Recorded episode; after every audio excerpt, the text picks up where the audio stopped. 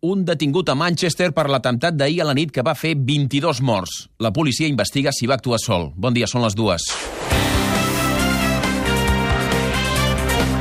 Catalunya migdia. Amb Òscar Fernández.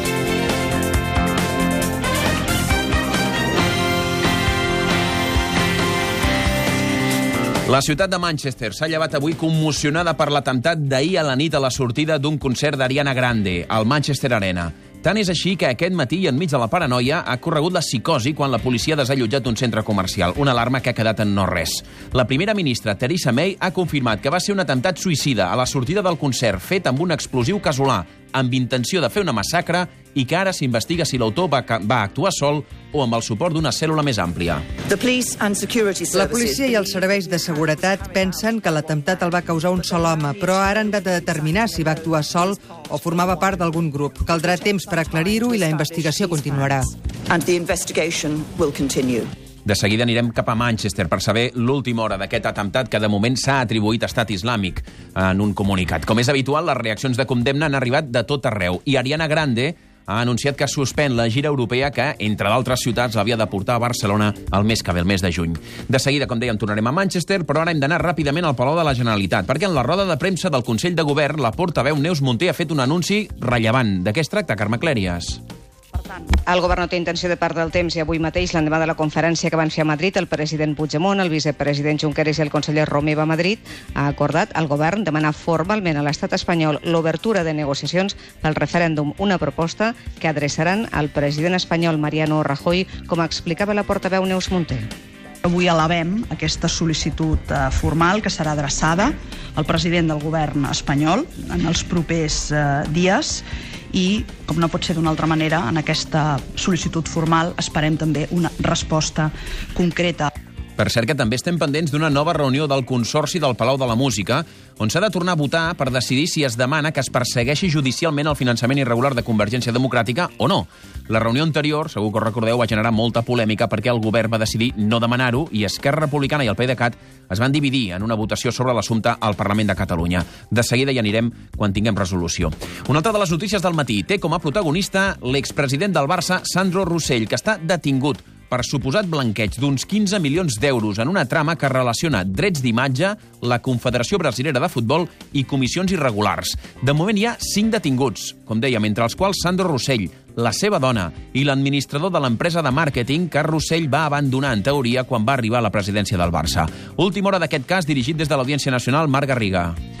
Més de 5 hores d'escorcoll. Ja porten aquí la Guàrdia Civil, la Policia Nacional al domicili de l'expresident del Barça. Quan acabin d'aquí se l'enduran a dues oficines més que té a Barcelona i que també s'escorcollaran. I al mateix temps la seva dona ha sortit d'aquí cap a les 9 del matí, custodiada per la policia. Està present a l'escorcoll que s'està fent del domicili familiar d'estiu, de, una masia a Cursà. Lleida i Andorra serien els altres escenaris de la resta d'escorcolls. I segur que us recordeu que ahir vam parlar d'aquell posicionament del bisbe de Solsona que deia que si cada cop hi ha més homosexuals és perquè als nens els falta la figura paterna. Bé, doncs s'hi ha afegit a, aquesta, a aquest posicionament el bisbe de Lleida. Josep Maria Parelló, bon dia. Bon dia. Així és, el bisbe de Lleida, Salvador Jiménez, assegura que l'opinió del bisbe de Solsona, Javier Novell, és la mateixa que defensa l'Església. La Generalitat, per cert, enviarà la llei contra l'homofòbia al bisbe de Solsona, Javier Novell. La directora general d'Igualtat, Mireia Mata, li demana que rectifiqui les seves opinions que vinculen l'homosexualitat amb l'absència de la figura paterna. I de Lleida saltem a Tarragona perquè aquesta matinada hi ha hagut un ensurt dels grossos a la central nuclear d'Escó. S'hi ha declarat un incendi que s'ha pogut apagar ràpidament, però que ha activat totes les alarmes. Tarragona, Manel Sastre. Sí, s'ha activat, de fet, durant unes hores el pla d'emergència interior i també a l'exterior en fase de preemergència. El Consell de Seguretat Nuclear ha assegurat que no hi ha hagut risc radioactiu en cap moment. La planta estava aturada per recàrrega de combustible. De les comarques de Tarragona també haurem de passar pel Morell, perquè avui ha passat a disposició judicial l'exeducadora de la llar d'infants del poble acusada de maltractar els nens. I de la cultura tornarem a passar per Canes per repassar-hi la presència catalana. Passa per un curtmetratge sobre els efectes de la crisi econòmica en un petit empresari de més de 50 anys. La directora és Laura Ferrés. Pensar en com és el meu pare o la part que conec d'ell i posar sobre paper aquelles coses que ens semblaven més interessants Quan passin 10 minuts de dos quarts de tres serà el temps de les notícies de territori. Ja hem passat per Lleida i Tarragona, que és el més destacat del dia a Barcelona, Quim Balaguer. Doncs bon dia, que tres famílies han denunciat un monitor d'una escola d'educació especial de Vallvidrera per presumptes abusos sexuals als seus fills. Els Mossos han obert una investigació i de moment l'educador acusat ha estat apartat de la feina. I avui acabem a Girona, Fèlix Martín. Mestres i pares dels 500 alumnes de l'escola de primària Pere Torrent de Lloret de Mar s'han concentrat avui davant del col·legi per reclamar més recursos i professorat.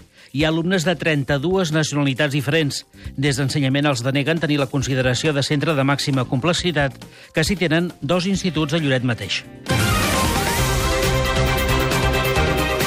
Després de les notícies pròximes, cap a tres quarts, serà el moment de l'actualitat esportiva que ve molt marcada per aquesta detenció de Sandro Rossell, expresident del Barça, però també, Robert Prat, bon dia. Bon dia. Per les conseqüències esportives que tenen els incidents, vaja, l'atemptat d'ahir a la nit a Manchester. Sí, de fet ha variat la rutina de l'equip del Manchester United, no hi ha hagut roda de premsa, s'han variat algunes coses, s'han pres mesures de seguretat, els jugadors han vist com es corcollaven els seus vehicles quan anaven a l'entrenament i demà hi haurà mesures realment exhaustives en el partit en aquesta final de l'Europa League que el Manchester United ha de jugar contra l'Ajax a prop d'Estocolm. Gasol ha quedat eliminat dels play-offs de l'NBA, etapa avui de gran muntanya, el Giro d'Itàlia. En parlem als esports al Catalunya Migdia.